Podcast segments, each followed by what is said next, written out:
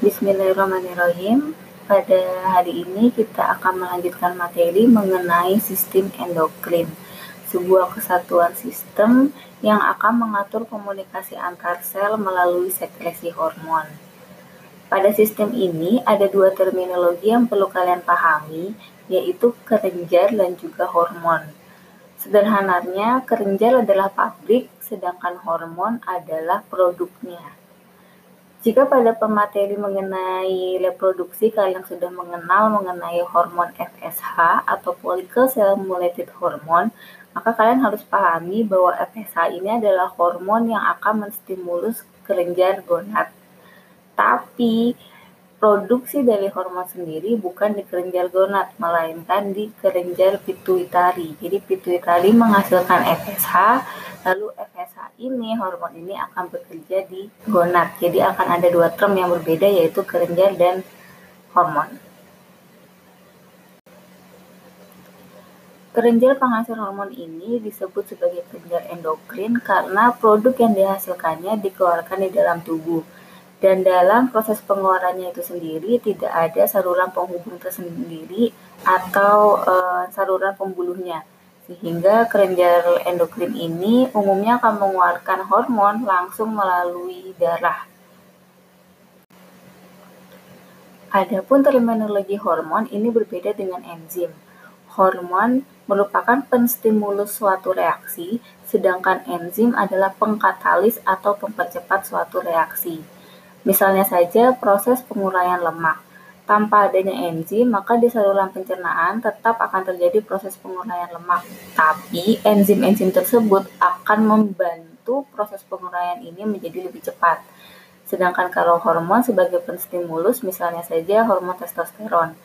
Tanpa adanya hormon testosteron, maka proses pematangan sperma tidak mungkin terjadi. Secara struktur kimia, hormon terbagi menjadi tiga golongan. Yang pertama adalah hormon yang tergolong sebagai turunan dari kolesterol.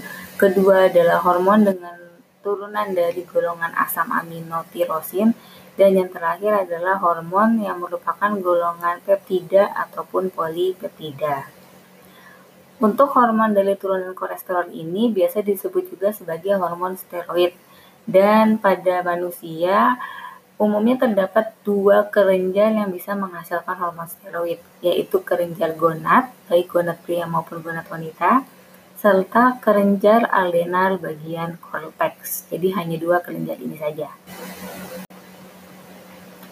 Adapun hormon yang memiliki struktur turunan dari asam aminotirosin juga ditemukan pada dua kelenjar saja, yaitu kelenjar tiroid dan kelenjar adrenal bagian medula. Sedangkan yang terakhir adalah paling banyak yaitu struktur hormon yang merupakan peptida atau polipeptida. E, untuk sedikit memahami, jadi bagian terkecil dari protein ini disebut asam amino. Kumpulan dari dua protein itu disebut sebagai peptida. Sedangkan kalau nanti asam aminonya banyak, entah 10, 20, 30, dan seterusnya, ini biasanya disebut sebagai polipeptida.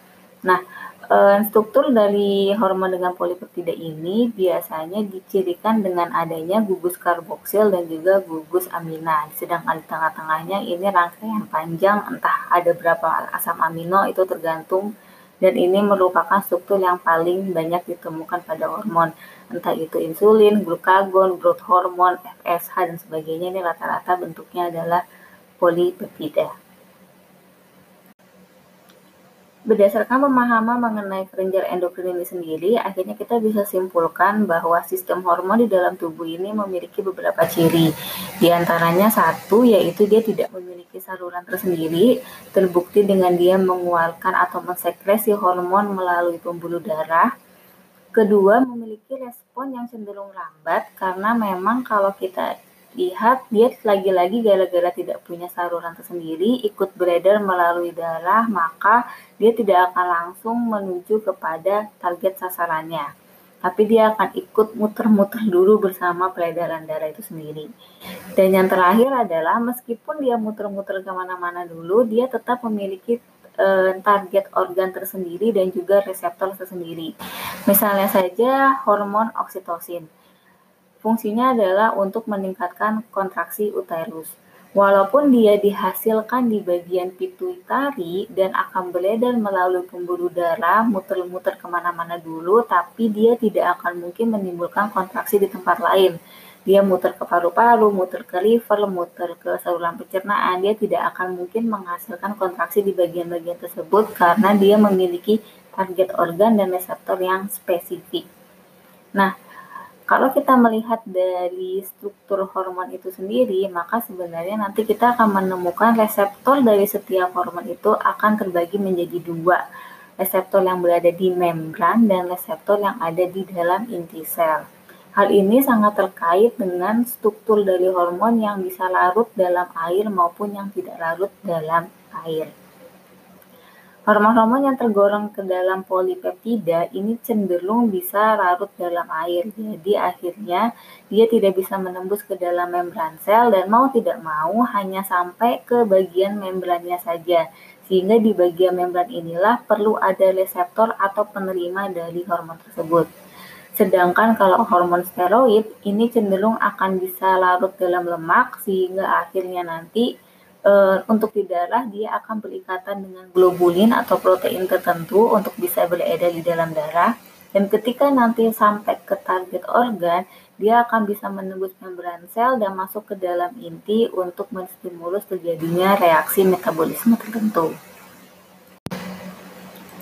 Pada hormon dengan reseptor yang di dalam inti, maka dalam hal ini hormon akan berikatan dengan transkrip faktor yang ada di bagian DNA sehingga akhirnya akan menstimulus inti sel untuk melakukan transkripsi dan translasi menjadi RNA yang kemudian akan disintesis menjadi sebuah protein-protein tertentu sesuai dengan uh, stimulus yang diharapkan dari si hormon tersebut. Misalnya saja adalah hormon kortisol yang berfungsi untuk meningkatkan kadar gula dalam darah. Hormon ini dihasilkan oleh kelenjar korteks adrenal. Ke hormon ini akan bergerak menuju ke liver dan masuk ke dalam inti sel dari liver. Di sana dia akan menstimulus yang namanya enzim defosforisase kalau kita masih ingat dulu dalam proses pembentukan gula itu kan biasanya ada fosforisasi, penambahan gugus fosfor. Tapi karena dalam hal ini adalah kebalikannya, kita ingin uh, membentuk gula tersebut bukan diulai tapi membentuk, maka dibentuklah enzim lain yaitu defosforisase. Dalam hal ini juga sebenarnya untuk hormon-hormon gonad maupun eh, tiroid akan mengalami mekanisme yang sama, masuk ke inti sel juga, berikatan dengan DNA, ditranskripsi, ditranslasi, lalu disintesis menghasilkan protein-protein tertentu. Untuk hormon dengan reseptor di membran sel, ini akan melibatkan adanya second messenger sebagai mediator intraseluler. E, seperti yang kalian pahami pada proses pembentukan oogenesis maupun spermatogenesis, eh, gonad ini baru akan bisa menghasilkan hormon eh, steroidnya apabila mendapatkan stimulus dari FSH dan LH. FSH dan LH itu sendiri dihasilkannya adalah dari pituitari. Jadi konsep awalnya pituitari akan menyuruh gonad untuk melakukan pematangan sel gamet.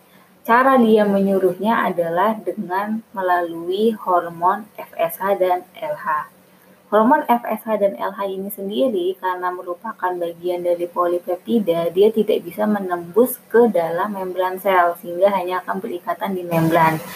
Ibarat pesuruh, dia cuma bisa masuk sampai ke pintu depan aja nih. Jadi akhirnya dia nggak bisa langsung masuk ke inti sel untuk memerintahkan inti sel gonad melakukan pematangan gamet. Jadi hanya sampai ke membrannya aja.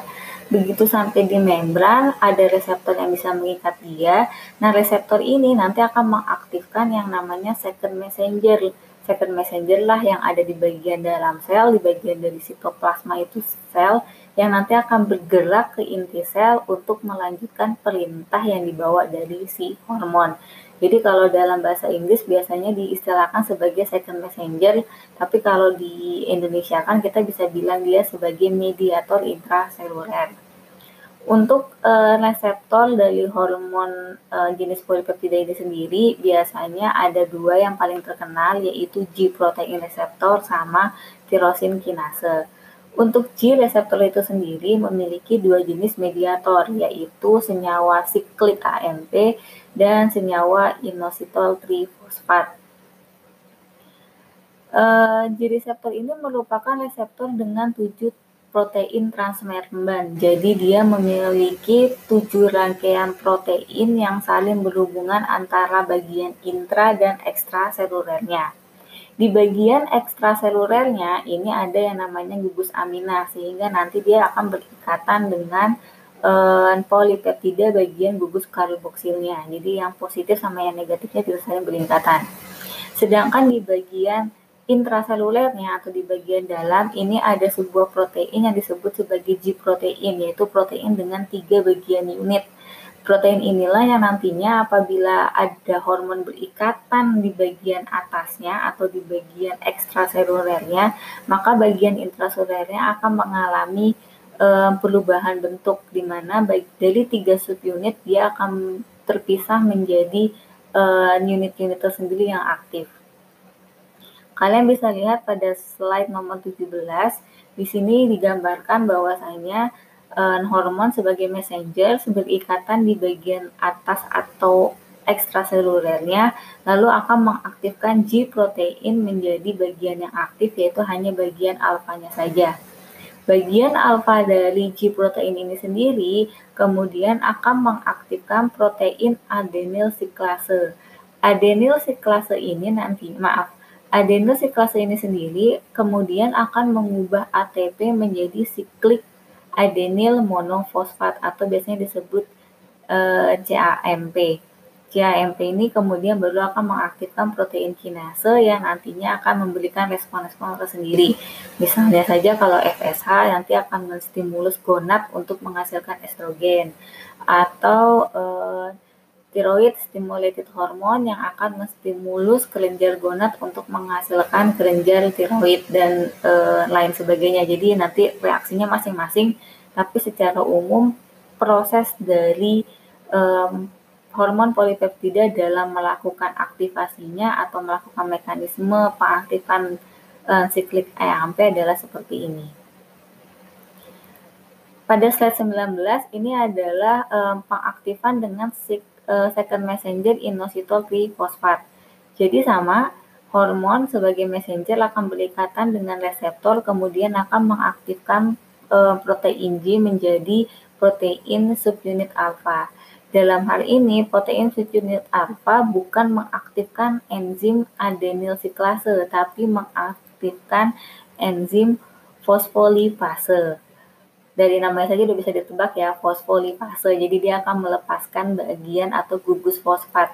Dalam hal ini dia melepaskan dari yang namanya uh, fosfolinositol bifosfat menjadi inositol trifosfat. Nah, inositol trifosfat ini sendiri nantinya akan masuk ke dalam sel dan menstimulus retikulum endoplasma untuk mengeluarkan ion kalsiumnya. Ion kalsium itu sendiri kan kita tahu biasanya eh, akan menstimulus terjadinya eksositosis atau pelepasan vakuola. Nah, ini umumnya terjadi pada beberapa kelenjar-kelenjar yang sudah memang eh, menghasilkan hormon atau prehormon di mana hormonnya ini disimpan di dalam vakuola. Jadi dia tinggal menunggu stimulus dari luar untuk segera hormon itu dikeluarkan. Ini biasanya terjadi di pankreas. Jadi pankreas ini biasanya sudah punya yang namanya uh, proinsulin atau hormon insulin yang belum aktif masih disimpan di vakuola-vakuola, dia hanya menunggu nanti stimulus saja untuk kemudian terutama ion kalsium nanti akan dikeluarkan. Nah, dalam slide ini disebutnya adalah kalmodulin ya, tapi kalmodulin itu sendiri sebenarnya adalah uh, ion-ion C2, jadi kumpulan dari ion C2. Adapun uh, hasil dari pemecahan um, fosfor inositol difosfat ini juga akan menghasilkan yang namanya uh, DAG atau di alge di algesilor mana di aldosterol ini nanti baru akan mengaktifkan protein kinase dan protein kinase C ini baru yang akan menimbulkan uh, fisiologis tertentu. Berikutnya kita akan membahas mengenai kelenjar-kelenjar yang dapat kita temui pada kelas mamalia atau dalam hal ini spesifiknya di manusia dari mulai hipotalamus sampai dengan kelenjar gonad. Saya tidak akan membahas satu persatu bagaimana kelenjar ini mensintesis hormonnya, lalu bagaimana hormonnya bekerja di target uh, organ. Saya coba sederhanakan dan saya rangkum pada slide nomor 23. Saya hanya akan sedikit membahas beberapa konsep-konsep umumnya saja. Uh, yang pertama adalah sekresi dari hormon itu sendiri secara umum akan dipengaruhi atau bisa terjadi melalui tiga jenis stimulus Stimulus yang pertama adalah dari hormon lain. E, contohnya saja seperti yang kalian sudah pahami, kelenjar gonad baru bisa menghasilkan kelenjar estrogen ataupun testosteron apabila ada FSH dan LH. Jadi diawali dari e, hormon lainnya. Padahal ini paling umum adalah yang paling banyak terjadi dan sering sekali diatur oleh master of gland yaitu hipotalamus dan pituitari. Kedua adalah stimulus akibat adanya perubahan kadar ion ataupun senyawa di dalam tubuh. Contohnya saja adalah kelenjar paratiroid. Kelenjar paratiroid ini nanti fungsinya adalah mengatur uh, ion kalsium dalam tubuh sehingga akhirnya dia akan mendeteksi perubahannya apabila ternyata terlalu sedikit dia akan secara otomatis mensekresi hormonnya untuk membantu peningkatan kadar CA dalam tubuh. Stimulus yang terakhir adalah yang didasarkan dari saraf. Contohnya saja adalah oksitosin. Oksitosin ini fungsinya memang untuk mempercepat atau menstimulus kontraksi uterus, tapi stimulus awalnya juga dari adanya tekanan pada uterus. Ini biasanya memang terjadi pada ibu-ibu hamil ya, karena emang sudah mendekati proses kehamilan, fetusnya mulai menekan sehingga akhirnya oksitosin dihasilkan kembali lagi ke uterus untuk kembali menimbulkan kontraksi dan ini juga yang paling banyak atau ditemui di bagian hipotalamus. Karena hipotalamus itu sendiri merupakan bagian otak yang terletak di bawah talamus dan di sana juga banyak terdapat pusat pengaturan dari hormon atau banyak terdapat nukleus. Beberapa nukleus yang ditemui yang bisa menghasilkan hormon di antaranya adalah paraventricular nukleus dan supraoptic nukleus. Kedua pusat dari neuron ini sendiri atau ke nukleus ini sendiri tidak hanya menstimulus uh, penghasilan hormon di mana proses penstimulusannya ini sendiri akan melambat sampai ke bagian yang um, post pituitary. Jadi nanti Rangsangannya kalau untuk yang post pituitary ini dilangsang dari saraf lalu disalurkan ke bagian bawah dari post pituitary baru nanti di post pituitary akan dihasilkan hormon. Sedangkan kalau pada bagian anterior hipotalamus tetap akan menghasilkan yang namanya eh, hormon dulu diedarkan melalui darah lalu nanti begitu sampai di bagian anterior pituitari di sana ada berbagai macam sel. Ada sel asidofil ada sel bas, uh, basi, basofil dan sebagainya. Nanti masing-masing sel ini bisa menghasilkan berbagai macam uh, hormon dalam hal ini yang anterior ini yang paling banyak jadi kalau yang posterior ini hanya ada dua oksitosin sama antidiuretik hormon Sedangkan kalau yang anterior ini yang paling banyak sekali FSH, LH, growth hormone, prolaktin, thyroid stimulated hormone, dan sebagainya. Yang berikutnya ingin saya bahas adalah mekanisme umpan baliknya. Jadi begitu target organ sudah bisa menghasilkan stimulus atau menimbulkan reaksi tertentu, maka akan ada yang namanya umpan balik ke bagian pituitari maupun ke bagian hipotalamus untuk memberitahukan bahwa perintah mereka sudah dilaksanakan. Misalnya saja kalau kemarin yang kalian pelajari gonad menghasilkan estrogen dan testosteron, maka dalam hal ini estrogen itu sendiri juga bisa menjadi umpan balik ke bagian pituitari untuk dia menstop produksi FSH dan LH karena kalau FSH dan LH sudah berhenti maka otomatis kelenjar gonad pun tidak akan bisa menghasilkan estrogen lagi. Nah, Keberadaan hormon maupun saraf pada dasarnya atau intinya adalah mengatur homeostatis di dalam tubuh. Jadi dia akan mengatur keseimbangan di dalam tubuh. Paling sederhananya adalah misalnya untuk pengaturan kadar gula dalam darah. Pankreas atau maaf kelenjar pankreas ini menghasilkan dua hormon yang bisa mengatur kadar gula yaitu meningkatkan kadar gula dan menurunkan kadar gula dalam darah. Dalam hal ini, untuk menurunkan kadar gula darah akan ada hormon insulin, sedangkan kalau untuk meningkatkan kadar gula dalam darah, ini ada yang namanya hormon glukagon. Kedua hormon ini saling bekerja sama nantinya ke dalam target organ mereka, yaitu liver, dalam hal untuk membantu gimana gula tersebut disimpan di dalam hati ataupun diuraikan dalam hati untuk ke darah. Karena kita tahu gula ini adalah sumber energi, tapi apabila terlalu berlebih maka akan mengganggu tingkat osmolitas dalam darah dan mengganggu tekanan darah sehingga akhirnya kondisinya normal ini perlu dijaga. E, dan secara umum hampir seluruh kelenjar di dalam tubuh pada intinya adalah mengatur keseimbangan keseimbangan tubuh seperti tiroid dalam paratiroid dalam mengatur keseimbangan e, ion Ca dan sebagainya. Saya rasa hanya itu konsep umum untuk endokrin. Eh, terima kasih. Wassalamualaikum warahmatullahi wabarakatuh.